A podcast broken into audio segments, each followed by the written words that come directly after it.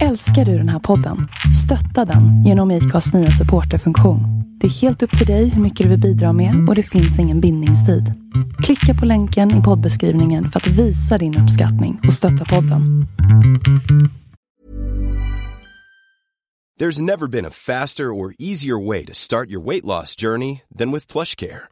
PlushCare accepts most insurance plans and gives you online access to board-certified physicians who can prescribe FDA-approved weight loss medications like Wigovi and Zepbound for those who qualify.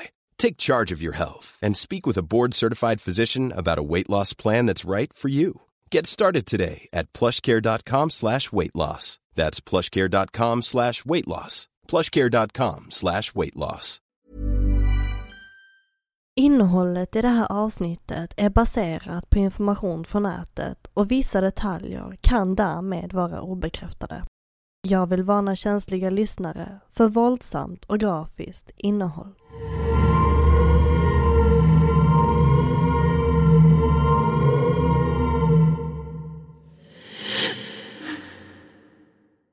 Två bästa vänner från Nederländerna ska ge sig ut på deras drömresa till ett land med exotisk natur och varmt klimat. Vännerna har sparat ihop till en sex veckor lång resa till Panama där de hoppas på att få lära sig spanska, se landets vackra natur och volontärjobba. Den 14 mars 2014 anländer tjejerna till Panama och de börjar bege sig ut för att upptäcka landet. Efter två veckor väljer de att stanna i Bukit Chiriki för att vandra i naturområdet. Innan tjejerna beger sig iväg postar de ett inlägg på Facebook och berättar om sin vandringstur. Vad som händer från det att tjejerna kliver in i området tills det att de försvinner är det ingen som vet och fallet ska än idag förbli olöst. Detta är fallet om Chris Kremers och Lisanne Froon. Help me, I'm Amanda Berry. He's got a taser. Please hurry. I've been kidnapped and I've been missing for 10 years and I'm, I'm here. I'm free now. Oh, God. I'm just going to jump in front of the car. No, Brian. Stop. Wait, hurry up! He's killing my girlfriend! He ripped her face off! Stop. Stop. Stop. She's dead! No, Brian, you're going to get hurt. Please.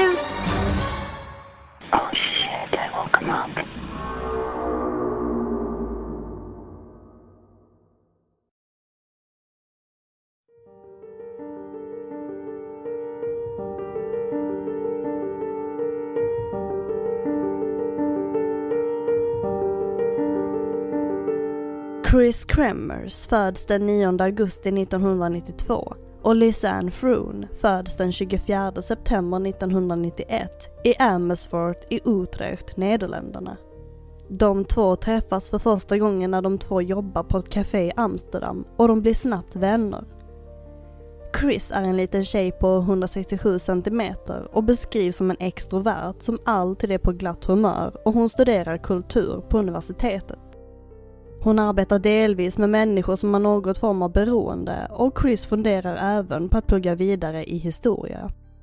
Lisanne däremot är 1,84 cm lång och beskrivs som en blyg och intelligent tjej som pluggar psykologi och älskar Coldplay och spelar volleyboll. Chris och Lisanne som snabbt blir vänner hyr rum tillsammans i samma studentbyggnad där de spenderar mycket tid ihop. I september 2013 tar Lisanne examen i psykologi och det ska firas. Chris och Lisanne vill göra något stort ihop. Åka ut på äventyr och upptäcka Sydamerika. Men för att kunna ge sig ut på en lång resa, så långt bort från Nederländerna, behöver tjejerna spara ihop en hel del pengar. Chris och Lisanne behåller jobbet på kaféet och räknar med att kunna vara borta sex veckor om de sparar ihop i ett halvår. Så tjejerna jobbar så mycket de kan samtidigt som Chris fortsätter att plugga på universitetet. Mycket riktigt lyckas Chris och Licens spara ihop en generös reskassa för att kunna bege sig till det exotiska Panama. Tjejerna ska inte bara unna sig en härlig semester, utan de har planerat att volontärjobba på en skola och samtidigt lära sig lite spanska. Så Chris och Lisanne ber sina familjer och vänner att donera gamla leksaker som inte längre används för att ta med sig dem till barnen i Panama. På destinationen har Chris och Lisanne hittat en värdfamilj som de ska bo hos i sex veckor och som ska hjälpa dem in i volontärjobbet. Den 14 mars 2014 packar tjejerna väskorna och tvekar inte på att ta med sig sina dagböcker som de båda flitigt använder. Sedan lägger de sig förväntansfulla inför deras resa som ska ske tidigt på morgonen.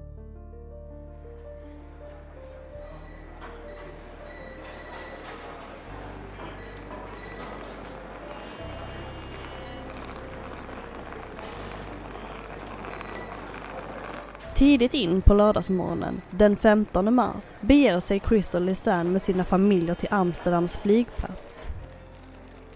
Deras gemensamma digitalkamera, en Canon SX270, är med för att dokumentera exakt allt på deras resa.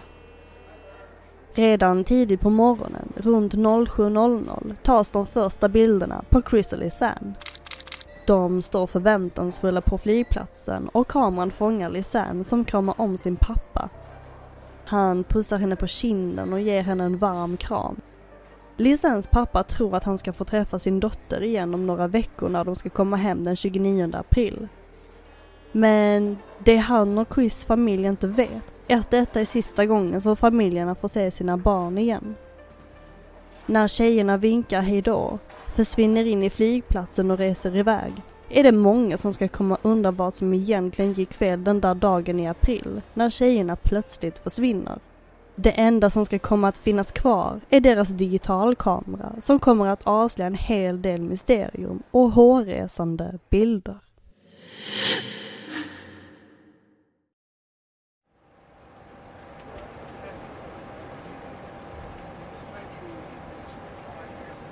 Lördagen den 15 mars bordar Chris och Lisanne planet som ska ta dem till Houston, Texas. Där ska de mellanlanda och sedan ska de åka till San Jose i Costa Rica. När tjejerna landar i San Jose tar de en buss till Bocas del Toro i Panama. Det är varmt när Chris och Lisanne kliver av bussen i Panama. De tänker stanna här i några dagar för att ta det lugnt och njuta av Panamas kust. Chris och Lisanne plockar upp kameran och tar flera bilder. De njuter av den exotiska stranden, hittar sjöstjärnor, dricker drinkar och dansar på kvällarna. Under sin vistelse i Bocas del Toro träffar Chris och Lisanne två holländska män som de umgås med. Tillsammans lär de sig spanska och killarna ger dem en känsla av samhörighet när de fyra talar samma språk. De fyra har roligt ihop och Chris och Lisanne träffar även andra turister på plats och lär känna dem också. Kort efter det plockar Chris fram dagboken och skriver så här. Citat. Vilken resa! Som tur var hade jag nästan glömt bort det redan vid ankomsten till vackra och mysiga Bocas del Toro. Jag skulle inte vilja bli hittad död i San Jose, även om chansen för detta är ganska stor i San Jose. Men jag skulle kunna bo i Bocas resten av mitt liv. Kanske när jag går i pension. Jag sitter i solen som jag förresten inte kan hålla ut så mycket längre till, för det är varmt. Och tittar mig ordentligt omkring på mitt nya boende för de kommande två veckorna. Värmen är förresten redan väldigt speciell. Även i skuggan har jag en känsla av att jag kan brinna upp levande. Men trots det är solen faktiskt ganska fin. Hur intensivt lycklig det kan göra en person.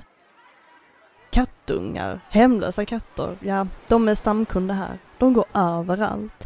Precis som minisalamandrar, även in i duschen. Om de lyckas hålla spindlarna borta kan de faktiskt bli mina bästa vänner. Vi har också sett en delfin som är den ultimata njutningen. Dricker ur en kokosnöt. Ja, en riktig. Och att bli solbränd. Jag har jobbat på bra med min solbränna. Vad mer kan man önska sig? Slutcitat. Även Lisanne plockar fram sin dagbok och skriver så här. Citat. Bussresan var ett äventyr i sig. Själva bussresan gick bra, men först var vi tvungna att rusa in genom San Jose med taxi eftersom vi inte hade några kontanter på oss. När vi kom ut i Sixaula var vi och två lokalbor de enda kvar. Vi var själva tvungna att komma på hur vi skulle ta oss till gränsen. Busschauffören pratade bara spanska. Vi skickades åt ett håll och med våra ryggsäckar stack vi verkligen ut bland lokalbefolkningen. Vi kom fram till gränsen som bestod av en gammal bro. Det var bisarrt att korsa gränsen på det sättet. Väl på andra sidan kom vi fram till en byggnad där vi fick betala pengar för ett klistermärke på, på pass. Jag tror vi blev lurade. När vi stod vid den riktiga immigrationskontrollen kom en man fram till oss och frågade om vi var tvungna att åka tillbakas. Vi var lite misstänksamma eftersom vi inte visste om vi kunde lita på honom.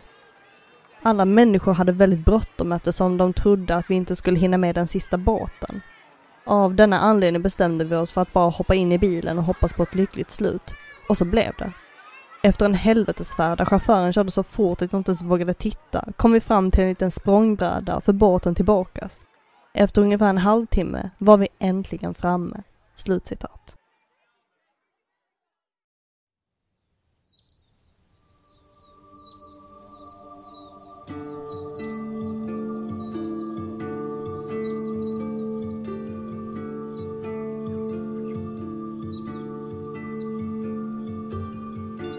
Efter att ha spenderat nästan två veckor i Bakas är det dags för Chris och Lisanne att åka till Phuket för att flytta in hos värdfamiljen och börja volontärjobba.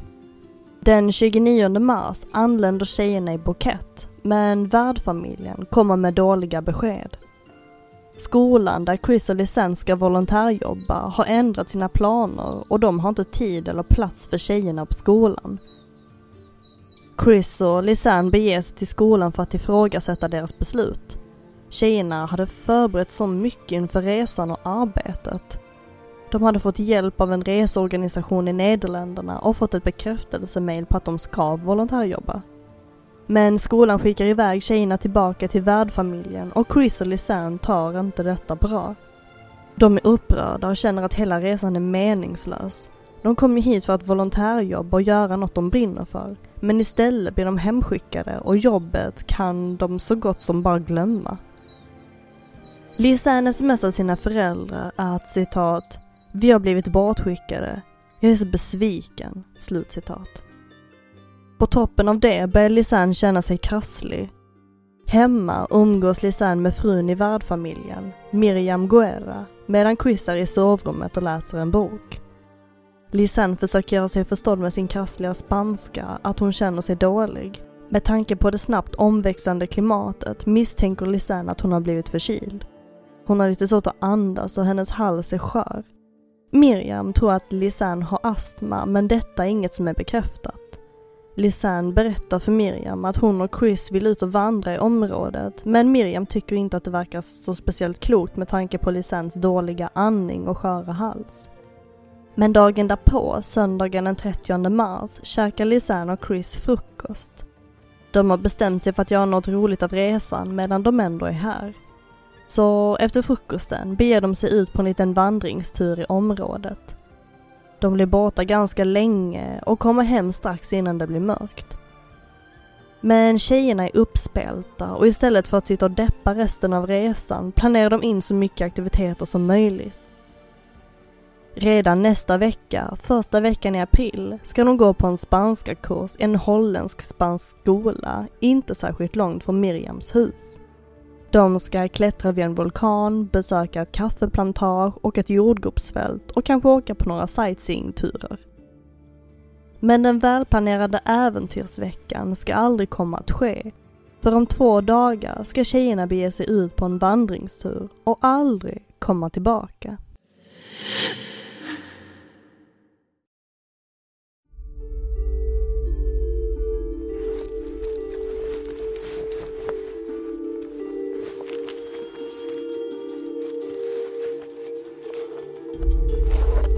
Det är tisdagen den 1 april 2014 när Lisanne och Chris förbereder sig för att ge sig ut på en lång vandringstur i djungeln.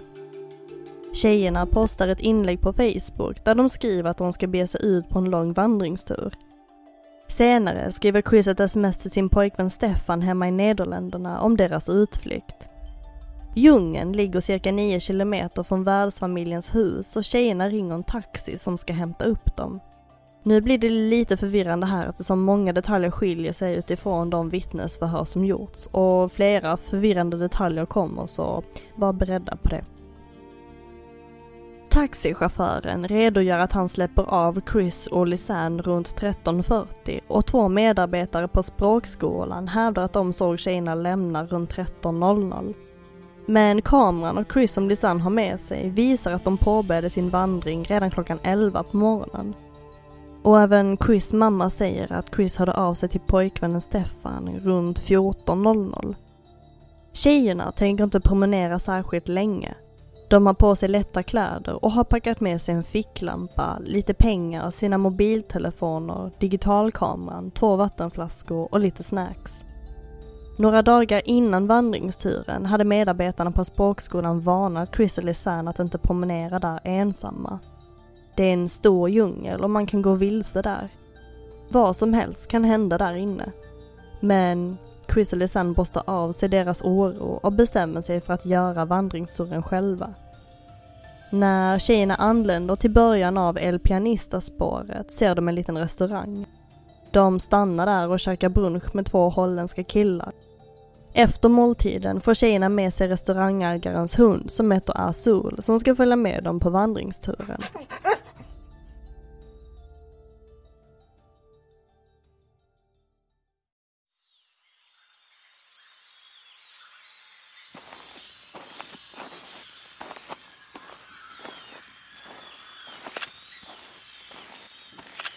När Chris och Lisanne når toppen av vandringsspåret bestämmer de sig för att fortsätta promenera. Något som få turister gör. För guiderna har varnat turister från att fortsätta förbi toppen eftersom spåren blir svåra att ta sig igenom. Och längre och längre in fortsätter Chris och Lisanne tills det blir mörkt.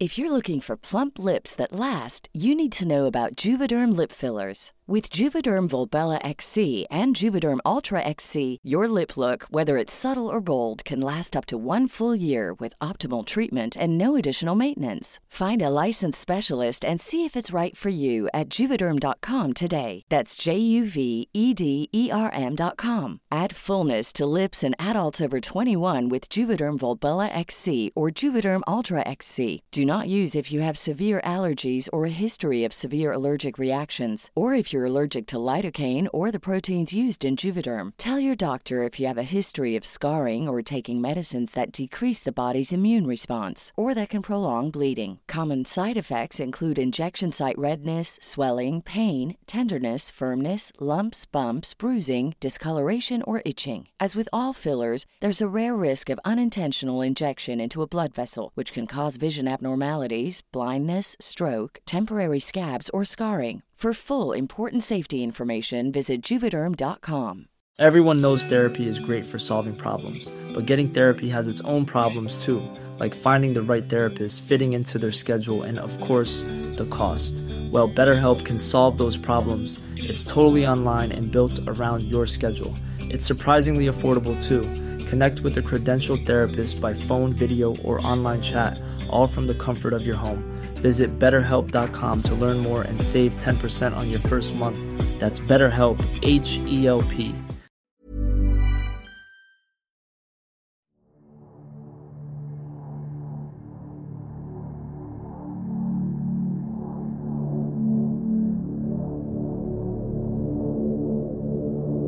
På kvällen håller restaurangen vid början av vandringsspåret fortfarande öppet. Ägaren tycks se någon komma springande. Det är Azul som återvänder till sin husse, men utan Chris och Lisanne. Först tänker han att de ligger kanske lite efter och kommer strax att dyka upp. Men minuter och timmar går och ingen Chris eller Lisanne dyker upp. Hemma i värdfamiljen blir Miriam orolig. Dagen efter, den 2 april, hade tjejerna bokat in en guidad tur in i djungeln men Chris och Lisanne dyker aldrig upp. Guiden och några medarbetare på språkskolan kontaktar Chris och Lisannes familjer senare samma dag. Den 3 april anmäls tjejerna försvunna och myndigheter gör en flygsökning samt skallgång i djungeln tillsammans med några lokala invånare, men de hittar ingenting.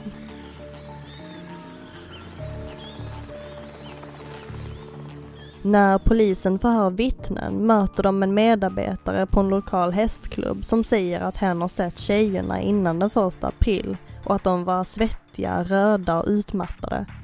De var inte gjorda för Bouquets klimat oavsett hur bra form de är i. Lisanne som troligtvis var förkyld eller hade astma kan lätt ha svimmat eller fått andningssvårigheter under vandringsturen. El Pianista-rutten hade tagit tjejerna runt 1890 meter över havet och stigen började på 1278 meters höjd. Chris och Lisanne var tvungna att klättra 610 meter inom loppet av 3,2 kilometer. Så nej, Lisanne var inte i bra form för att ens bege sig ut på den här vandringsturen. Och kanske har tjejerna fått akut stanna någonstans för att Lisanne ska kunna samla kraft att promenera tillbaka. Dagarna går och ingen har varken sett eller hört något från Chris och Lisanne.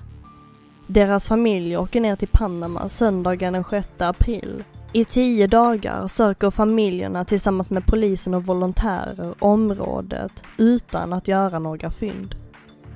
Polisen går ut med en belöning på 30 000 dollar för information som kan leda dem till Chris och Lisanne. Men även det leder ingenstans. Trots intensivt sökande svalnar fallet hos polisen när det står still i dagar, veckor och månader. Till slut, i juni, så händer något.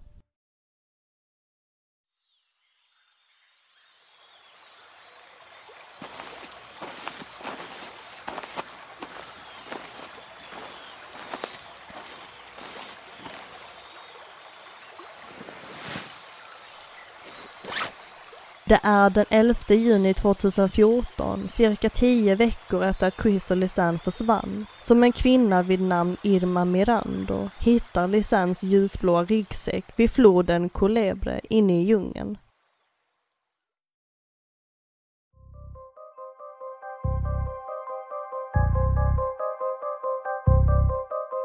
Väskan lämnas in till polisen först den 13 juni och inuti hittar man kläder och solglasögon som tillhör Chris och Lisanne. Även deras mobiltelefoner, en iPhone och Samsung Galaxy hittas. Och så även deras digitalkamera med 16 GB minneskort. Men något är konstigt med ryggsäcken. Den hittades vid en flod, men väskan var alldeles torr när Irma hittade den och när polisen tittar närmare på ryggsäcken finner de inga bevis på att väskan någonsin ska ha varit blöt. Med tanke på väskans skick tycker polisen inte att det ser ut som att ryggsäcken legat ute i djungeln under flera veckors tid. Från det att Chris och Lisanne försvann hade det regnat kraftigt i flera dagar och klimatet i djungeln skulle kunna påverka ryggsäckens skick, men icke. Polisen tycker snarare att det verkar rimligt att någon kan ha placerat väskan vid floden bara en kort tid innan den upptäckts. I polisanmälan rapporteras det även om flera skador på väskan. Plastremmarna vid ryggsäcken hade nästan lossnat och flera repor syns i tyget. Man misstänker att skadorna på tyget kan ha kommit från ett vasst föremål, men vad det exakt skulle vara har inte fastställts av polisen. När polisen undersöker tjejernas telefoner finner de något oroväckande.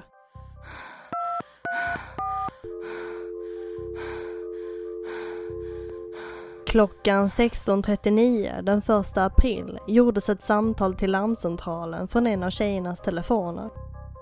Tio minuter senare gjordes ett andra försök att ringa efter hjälp. Tjejerna hade ringt 112 som används i många EU-länder och i vissa fall kan då 112 automatiskt koppla om dig till det land du befinner dig i deras larmcentral. Dessa försök gjordes två gånger men på grund av dålig täckning kopplades samtalen aldrig fram. Runt 17.52 stängdes både Chris iPhone och Lisanne Samsung av, troligtvis för att försöka spara på batteriet. 14 timmar senare försökte tjejerna ringa larmcentralen på nytt. Flera samtal försökte göras både till 112 och 911 men återigen kopplade samtalen aldrig fram på grund av dålig täckning. Den 2 april kopplades telefonerna aldrig upp till ett mobilnätverk igen, troligtvis på grund av dålig täckning. Klockan 13.50 den 2 april slogs Lisans Samsung-telefon igång för att sedan slås av igen. Det kan möjligtvis vara så att Lisanne slog på sin mobil för att se om hon hade täckning. Lite senare, klockan 16.19, slog Samsung-telefonen på igen och lämnades igång. Telefonerna var igång hela natten mellan den 2 och 3 april.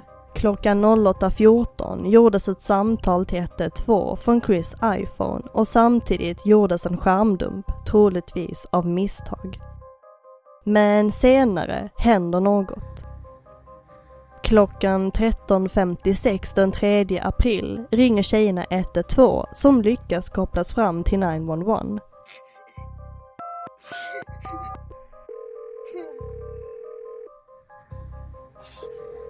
Telefonen hade på något sätt lyckats koppla upp sig på GSM, som är ett form av 2G-nätverk. Men samtalet kommer aldrig komma fram till larmcentralen utan hinner kopplas ned igen på grund av dålig täckning och samtalet besvaras aldrig.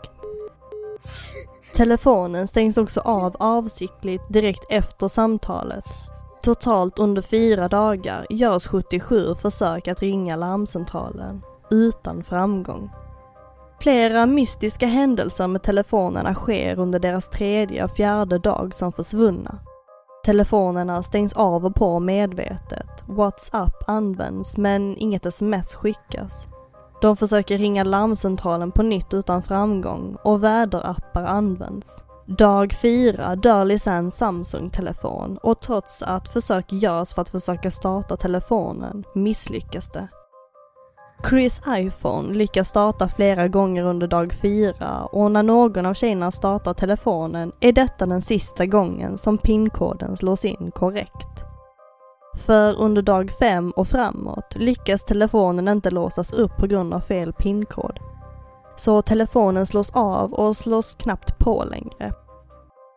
Enligt mobilloggarna ska minst en av tjejerna, om det nu var de som använde mobilerna, varit vid liv när skallgångarna påbörjade i området.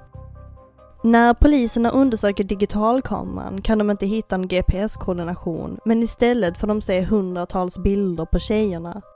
Från det att de åker från Amsterdam till deras sista dagar i livet. Kamerans batteri var så pass bra att när polisen hittade den var den inte ens i närheten av att vara urladdad. De första bilderna som började tas den där dagen den första april när Chris och Lisanne påbörjade sin vandringstur visar hur glada och taggade de är.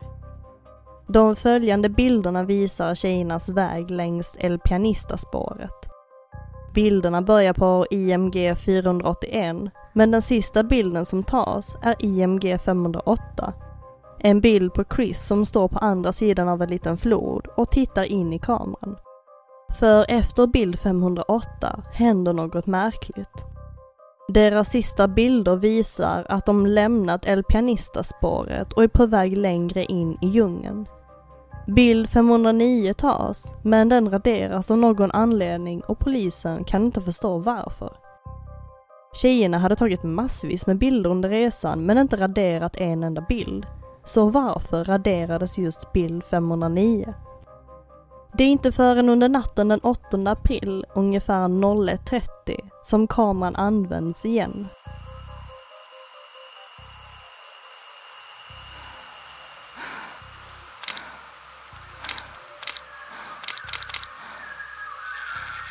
Bilderna som tas är oklara och något läskiga.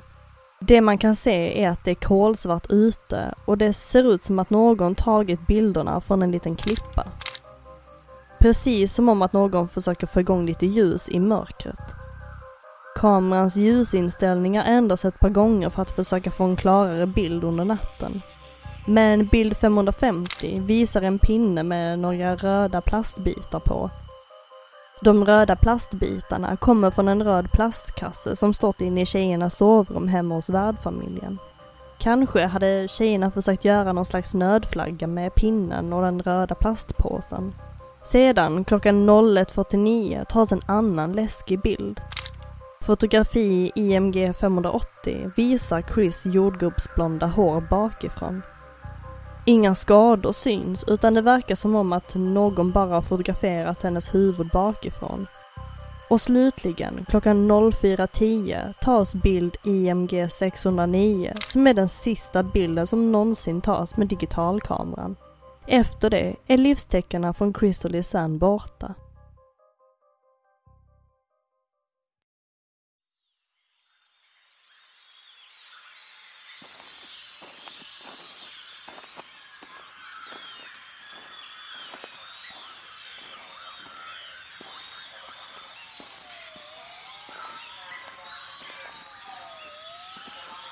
Den 19 juni 2014 hittas en del kvarlevor från Chrysalis och Man hittar några ben, jeansshorts och skor längs floden Colebre.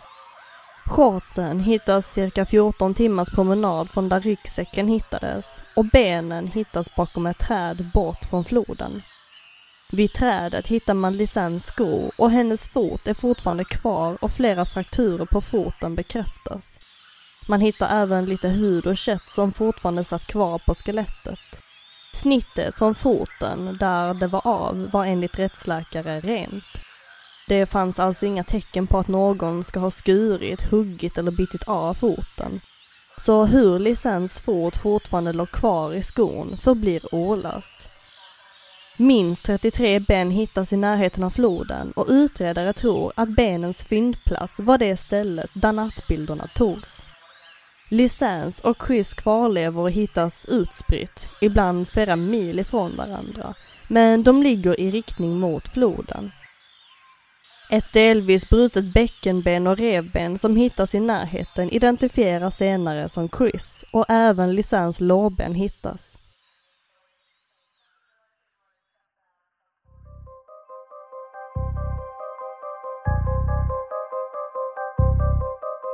Utredare misstänker att Chris och Lisans död var en olycka.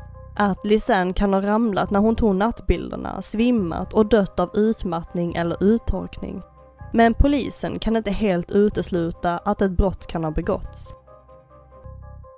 Flera turister som besökt djungeln och vandrat längs El Pianista-spåret berättar att guiderna har varnat dem för att inte gå längre än till toppen. Flera turister ska ha rånats och utsatts för flera brott längre in i djungeln. Det är därför som guiderna och invånare varnar turister för att promenera själva utan någon guide eftersom det sägs att ett gäng håller sig inne i djungeln och överfaller turister. Vissa har kommit därifrån levande men att stöta på gänget kan också vara livsfarligt. Trots att inget fysiskt bevis hittas på kvarlevorna kan polisen inte helt utesluta att något annat har hänt, även om det ganska tydligt pekar åt att Chris och Lisanne dött av utmattning eller uttorkning. Att kroppsdelarna hittats utspritt och ibland så långt ifrån varandra kan bero på att djur kan ha fått tag i kroppsdelarna och vandrat iväg med dem.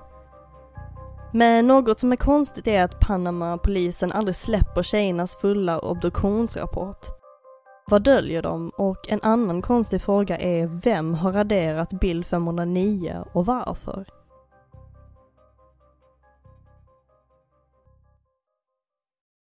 Idag lever Chris och Lisans familjer vidare, men fortfarande ovetandes om vad som egentligen hände den där dagen i april när deras döttrar promenerade längs El Pianista.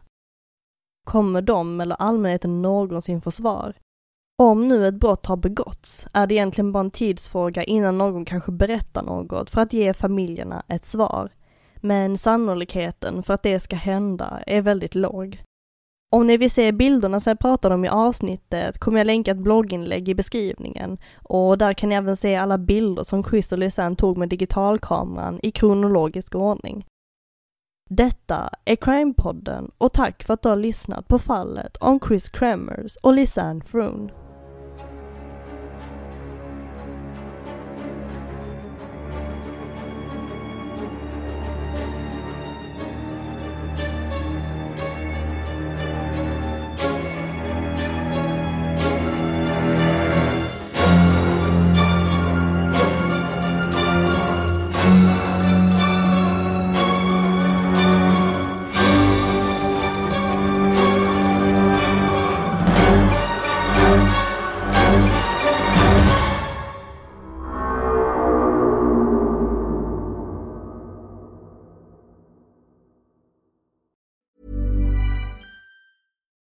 We're on a budget, we still deserve nice things.